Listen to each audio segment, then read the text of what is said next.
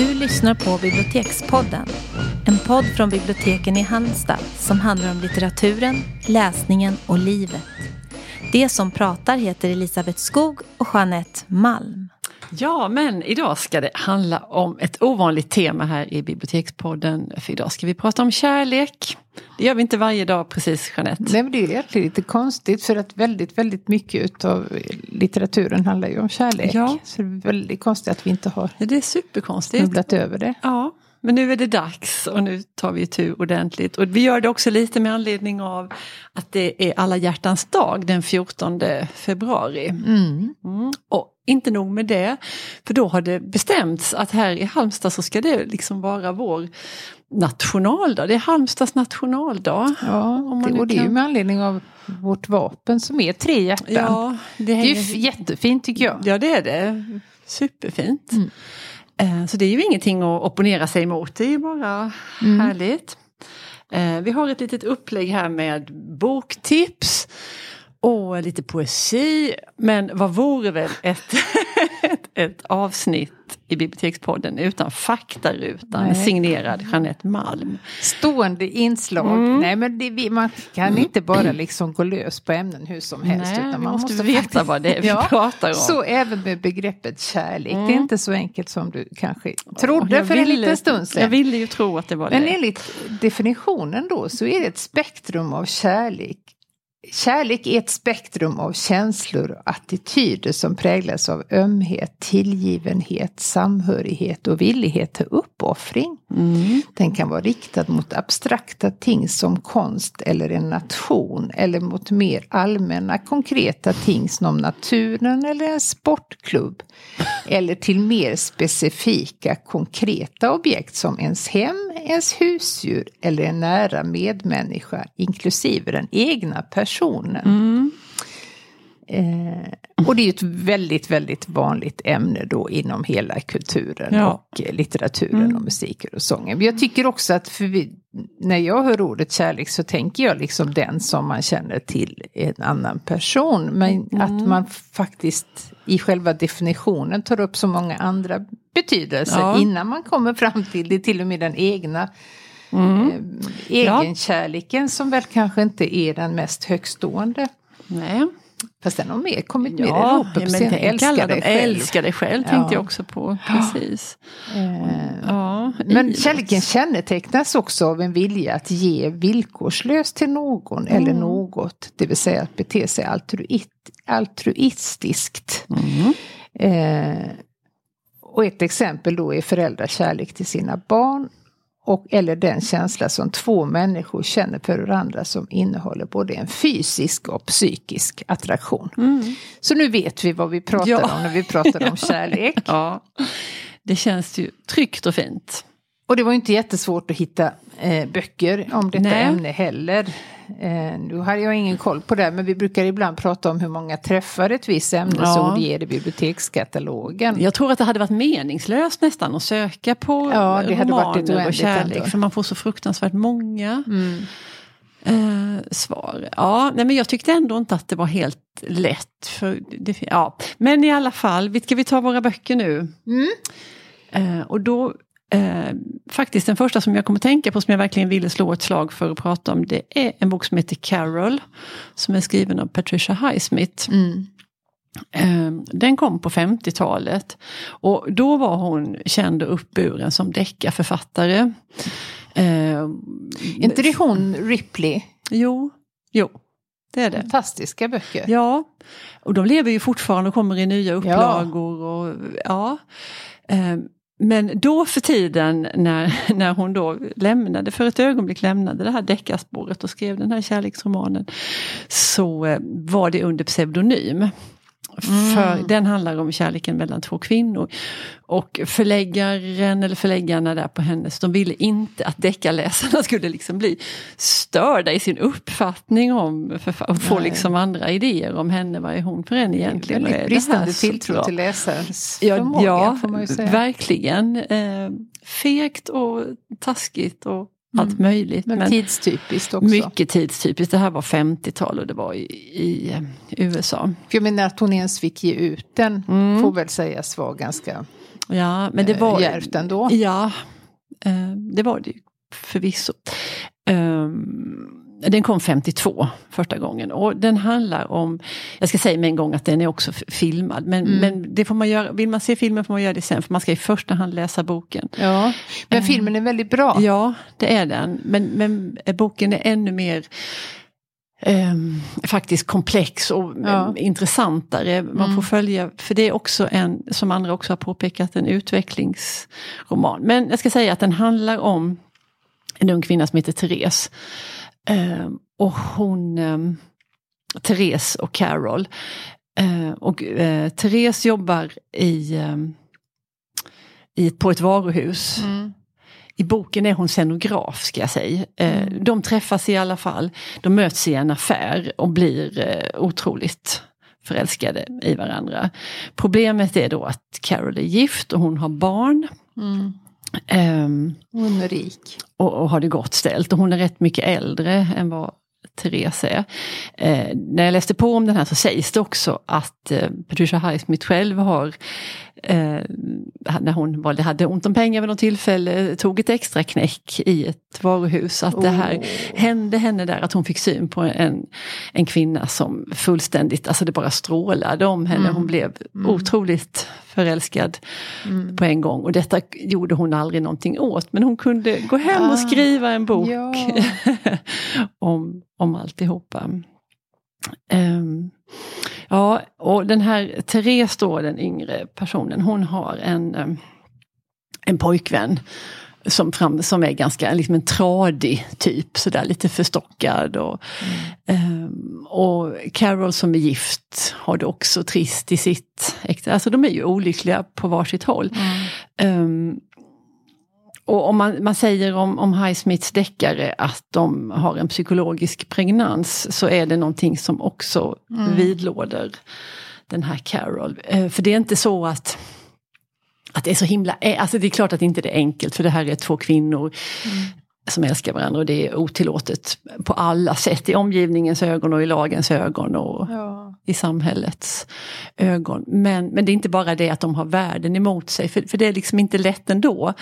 Um, men det är, en sån, det är verkligen en riktig kärleksroman för de, de upplever fantastiska saker tillsammans. Och en del av det är ju möjligt tack vare att Carol har så gott ställt. Um, men, men där är också svårigheter såklart. Men det som, varför jag så gärna ville ha med den här boken det är för att, och nu får ni tycka att jag spoilar eller inte, men, men den slutar bra. Och är det något som inte eh, skönlitteratur om homosexuell kärlek brukar göra så är det det. För det brukar sluta med att någon tar livet av sig eller att någon blir galen. Det är liksom de Alltid, vanligaste. Ja, faktiskt. Katastrof. Otroligt Ja. sorgligt. Ehm, och det var massa personer som skrev och tackade Patricia Highsmith för att hon faktiskt lät det bli ett lyckligt slut i den här. För att de hade aldrig läst, det hade aldrig liksom inte funnits någon bok där det, där det var på det sättet. Och det, det är både de här, hur de här personerna utvecklas och inte minst den här Carol, den unga personen där, vad det här gör med henne, den här, att hon får uppleva den här fantastiska kärleken. Men Carol är den äldre. Ja, förlåt, Therese, ja. Eh, hur Therese får, hur hon liksom Ja, för förändras. hon var ju inte medvetet homosexuell. Är det? Eller Hon hade inga erfarenheter av det slaget vill jag minnas. Nej. Men det hade ju Carol. Hon Ja. hade helt liksom många Hon hade haft, ja, och, affärer eller vad man nu ska kalla det. Relationer, den här ja. eh, yngre tjejen trodde sig liksom vara heterosexuell. Ja. Och det, även om hon inte tyckte det var så himla spännande med den här pojkvännen så hade hon liksom inte haft några sådana. nej. Utan hon drabbades av personen eh, Carol. Ja, ja. Och det är också hennes förflutna för hon, eh, nu minns jag inte exakt men, men hon har ingen kontakt, antingen är hennes föräldrar döda eller så är det något annat som gör att hon har liksom inga, det här med rötter och familj och bakåt. Mm. Och någonstans när hon har upplevt den här kärleken så, så åker hon hem till sin lägenhet och hon, liksom, hon byter klädstil och jag behöver inte de här, Nej. det här som jag trodde var viktigt för mig innan för nu har hon hittat någonting Mm. annat Hon blev förlöst. i sitt liv. Ja, Mm. Eh, Den har kommit i nya upplagor och den är, ja, jättehärlig bok. Och i filmen så, är det, så spelar Kate Blanchett med, den kom för Ja. några år sedan och den fick stor uppmärksamhet. Hon är ju så perfekt i den rollen. Ja, ja, ja. ja. Um, läs! Ja, ja. anbefalles. Mm. Eh, det första jag tänkte på när vi fick det här uppdraget, för mm. det här har tilldelats ja. oss ska vi säga också, det är vi jätteglada för. Mm. Så tänkte jag på Carl-Johan Wallgrens helt fantastiska bok Den vidunderliga kärlekens historia. Mm. Som kom 2002 och också tilldelades Augustpriset det året. Och det var ju också en bok som väldigt, väldigt många läste och pratade om och, och liksom förundrades och fröjdades åt. Det var, det var liksom den stora läsupplevelsen mm. det året. Mm. Och man kan fortfarande rekommendera den och läsa den. Verkligen. Det är en tidlös berättelse mm, kan man mm. säga. Eh, men den är då bunden till tidigt 1800-tal och det är huvudpersonen som heter Hercule Barfus. Säger ja. man så? Ja. ja. Som föds på en bordell. Mm. Eh, och han är då, har ju precis allting emot sig. Han är så vanställd när han föds att de här eh, flickorna, kvinnorna som bor där är ju helt övertygade om att han kan ju inte överleva. Eh, för han är gravt missbildad, han är döv och han är dvärg. Mm. Men eh, de gör sitt yttersta och han överlever.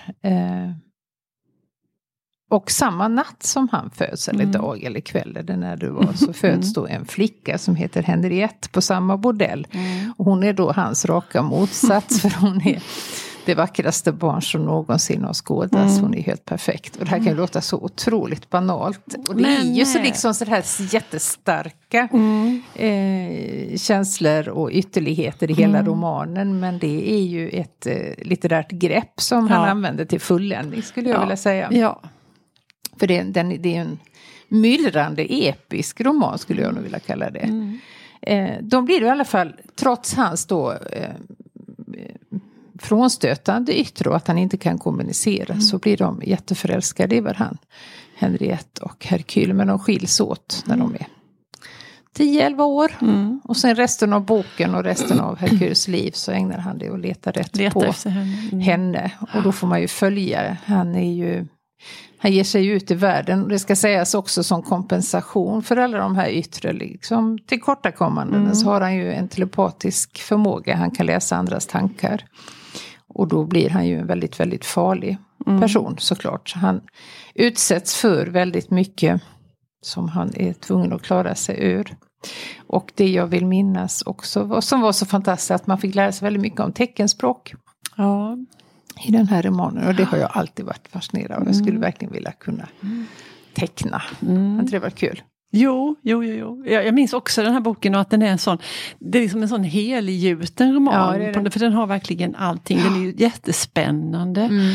Uh, och den är, den är liksom både handfast och superlitterär och ja. ja. allt man kan önska egentligen av en. Ja, och jag tänker vi pratar ofta om sådana här lågintensiva och lågmälda ja, romaner och mm. böcker. Och tänk på det att det är liksom mycket ja. mellan raderna och det är subtilt och sådär. Mm. Och den här är ju raka motsatsen. Här fläskas det på. det fläskas på. Mm. Men eh, som sagt när man vet vad man gör så är det ju också en jätte njutning att läsa om det. Och det är mm. så, man blir så drabbad ja. av hans öde och man får mm. så mycket inblick också i den här tiden, tidigt 1800-tal ja. och Europa som är så otroligt ja. annorlunda mot mm. idag. Nej, men det är få böcker som har alla de här ingredienserna. Man, eller få, det är väl inte, men ibland kan det vara svårt när man ska tipsa jobbet som bibliotekarie. Så, så kan det vara svårt ibland då, att hitta de där, liksom, åh mm. nej, men det här vet jag att det här är, blir bra. För ja. den har som sagt de här, den är, både historiska miljöer och det är fantastisk kärlek och det är problematik och det är mm. spänning mm. och det är, mm. ja. Mm. Är det inte också liksom en europeisk odyssé? För jo. han färdas ju runt om i ja, Europa. Han är ju Vatikanen ja. och han är ju liksom mm. överallt. Han, han har ju en förmåga liksom att röra sig i samhället. Både tack vare och trots sitt lyte. Mm. För att han, det är ju ingen som förstår liksom vilken eh, otrolig eh, kapacitet han har eftersom han ser ut som att han är mm. helt obildbar och eh, ingen att räkna med. Så Nej. är det precis tvärtom. Mm. Mm. Vi kan Mycket ju säga också att Valgen har ju varit här i Bibliotekspodden. Ja. Så får man mer smak. Och vill... Han tog oss med storm. Ja det gjorde han. Vi hade ett otroligt var... roligt samtal. Ja. Det var det verkligen. Mm. Och alla kollegorna här var helt bananas. Ja. Bara, Åh, ska ni träffa Wallgren? Ja. Bara, ja. Nej, men också att han är en sån grandios person. Mm. Eh, verkligen. Ja. Och generös. Och, och rolig. Och, rolig och, ja. Tänk när vi får gäster igen. Ja, tänk det du. Det vill vi ha. Ja. Eh, den andra boken som jag vill nämna i det här kärlekssammanhanget det är en, eh, Normala människor av Sally Rooney. Mm. Um, och den handlar om de som älskar varandra i den här boken. Det är Connell och Marianne. Mm. De växer upp i en irländsk liten stad. Och de går på samma skola eh, och det växer fram ganska snart i boken så växer det fram en kärlek mellan dem. Eh, Connells, det är väldiga klasskillnader mellan dem. Marianne bor i någon sorts mindre herrgård eller i alla fall väldigt stort. Mm. Det är stort och det är förmöget. Mm. Frånvarande pappa men hon bor där med sin mamma och sin bror. Och mm. Connells mm. mamma är den som är anställd för att städa. Mm. Eh, och då har det blivit så att Connell hämtar sin mamma i bilen när hon har städat färdigt och ibland är hon inte riktigt klar och då har de det är så de börjar träffas utanför skolan. Mm. Eh, och där uppstår starka, mycket starka eh, känslor mellan dem. Och det som gör det är ju inte intressant om inte det är komplext och det som försvårar det här, deras relation och som också skänker liksom must och märg och färg åt det hela det är ju att de är så olika varandra och i skolan så lever de förvisso under samma skoltak men i olika grupperingar och i olika mm. världar. För Connell är den där lyckade sportkillen som ser bra ut mm. men som också är rätt han är ju både smart och sportkille. Och sportig, ja mm. precis. Och ehm. trevlig och ödmjuk. och, och ser bra blyg. ut. ja. Eh, han är ju liksom ingen dryg typ. Nej absolut inte. Genomsympatisk. Mm kille och han har en väldigt, det gillar jag också med den boken, han har en sån bra relation med sin mamma. Ja. För ofta när det handlar om unga människor så, så är föräldrarna så himla dumma. Ja och, och hans mamma måste ju varit bara barnet när han föddes. Mm. Hon är ju, alltså hon är ju jätteung. Ja. Tonårsmamma har hon mm. ju varit och då ringer det ju också varningsklockor. Ja. Att det här visst. kan ju inte bli bra. Men det blir det. Någon som inte har en schysst mamma så är det däremot Marianne. En gravt... Men det är också det i skolan, mm. att hon är så otroligt utstött och mobbad där. Ja det är hon.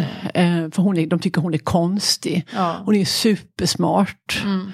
Eh, men konstig och det påstås då att hon inte har utseendet för sig riktigt. Eh, hon smälter helt enkelt inte in. Nej, hon bryr sig inte om att smälta in. Hon anstränger sig ju inte. Nej. Så när de är i skolan så känns de inte vid varandra men Nej. de träffas hemma hos henne och har och de för långa, långa samtal. Jag älskar de här mm. samtalen de har. Mm. Och de utforskar varandras kroppar och det är mm.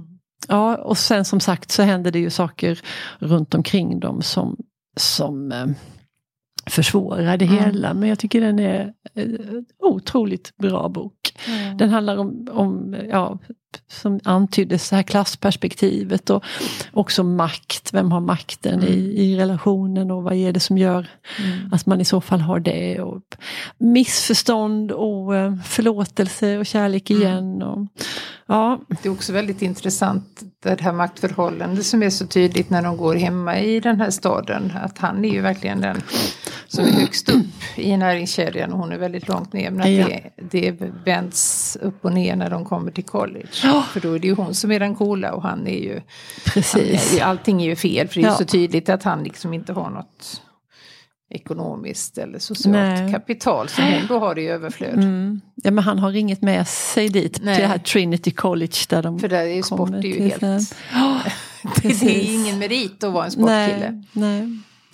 Men och hon, då kan hon liksom börja om på något sätt mm. där. För, för, på den här första skolan där de gick när de var små, där vet liksom alla, ja men det är hon ja, och det har hänt exakt. konstiga saker där hemma hos henne. Och, nu får hon vara ny och oskriven. Mm.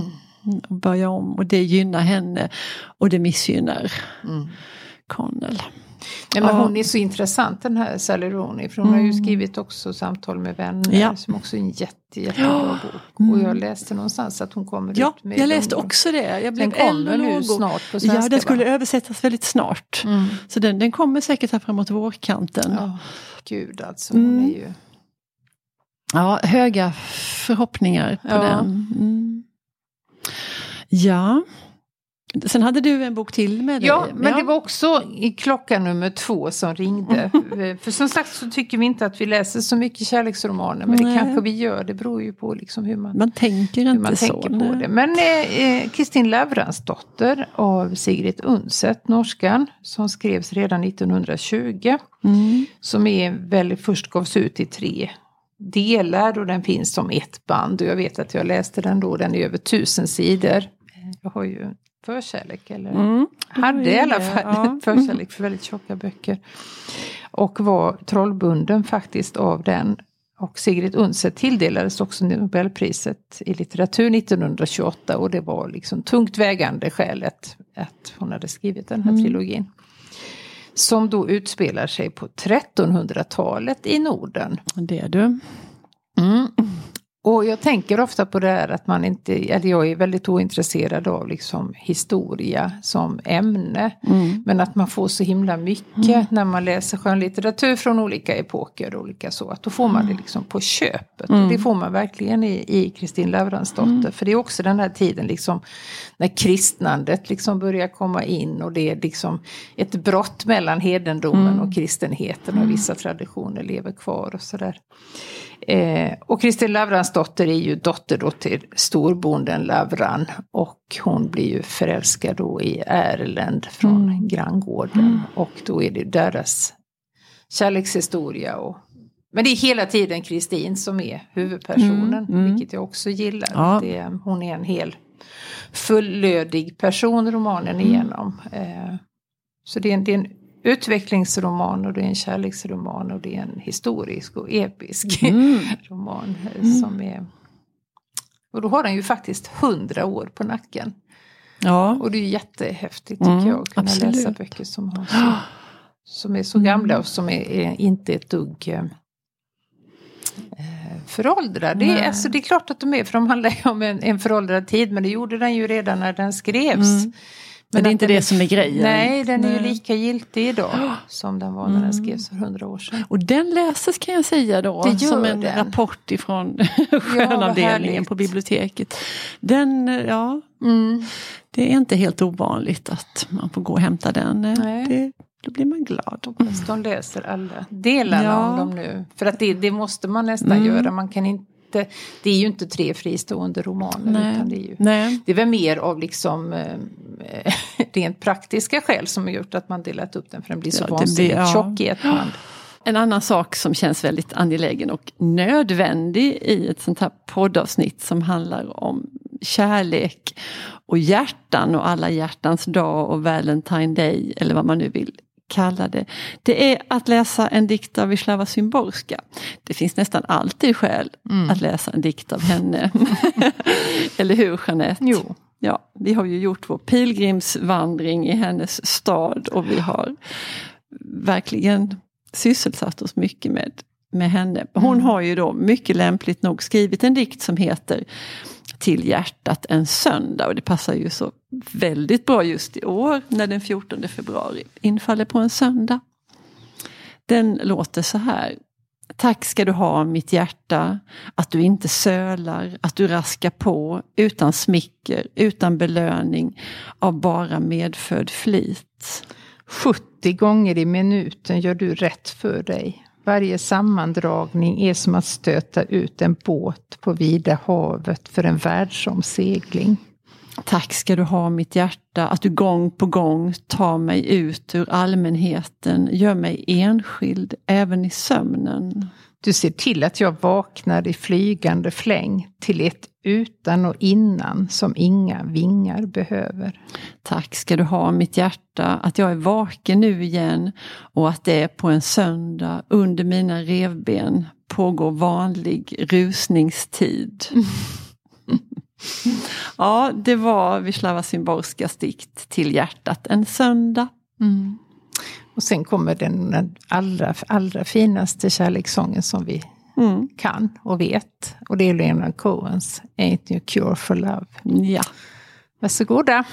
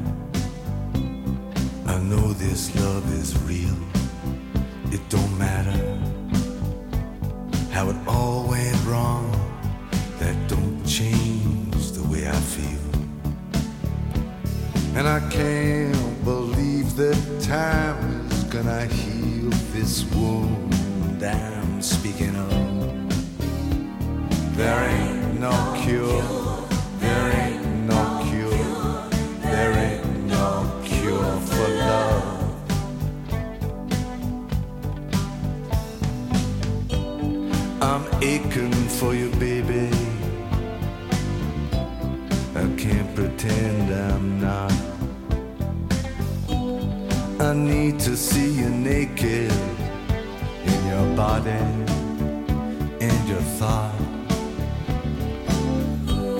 I got you like a habit, and I'll never get enough. There ain't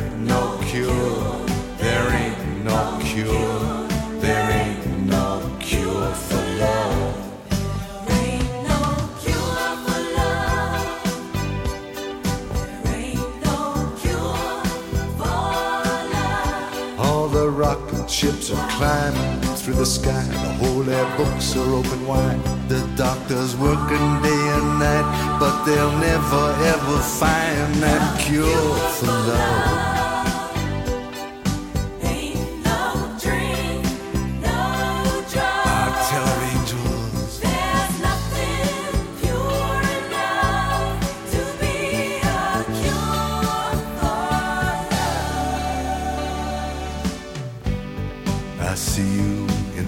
Subway and I, I see you on the bus. I see you lying down with me. I see you waking up. I see your hand, I see your hair, your bracelets and your brush. And I call to you, I call to you but I don't call soft enough. There ain't no cure, there ain't no cure, there ain't no cure for love. I walked into this empty church, I had no place else to go. When the sweetest voice I ever heard whisper to my soul. I don't need to be forgiven for loving you so much. It's written in the scriptures, it's written there in blood. I even heard the angels declare it from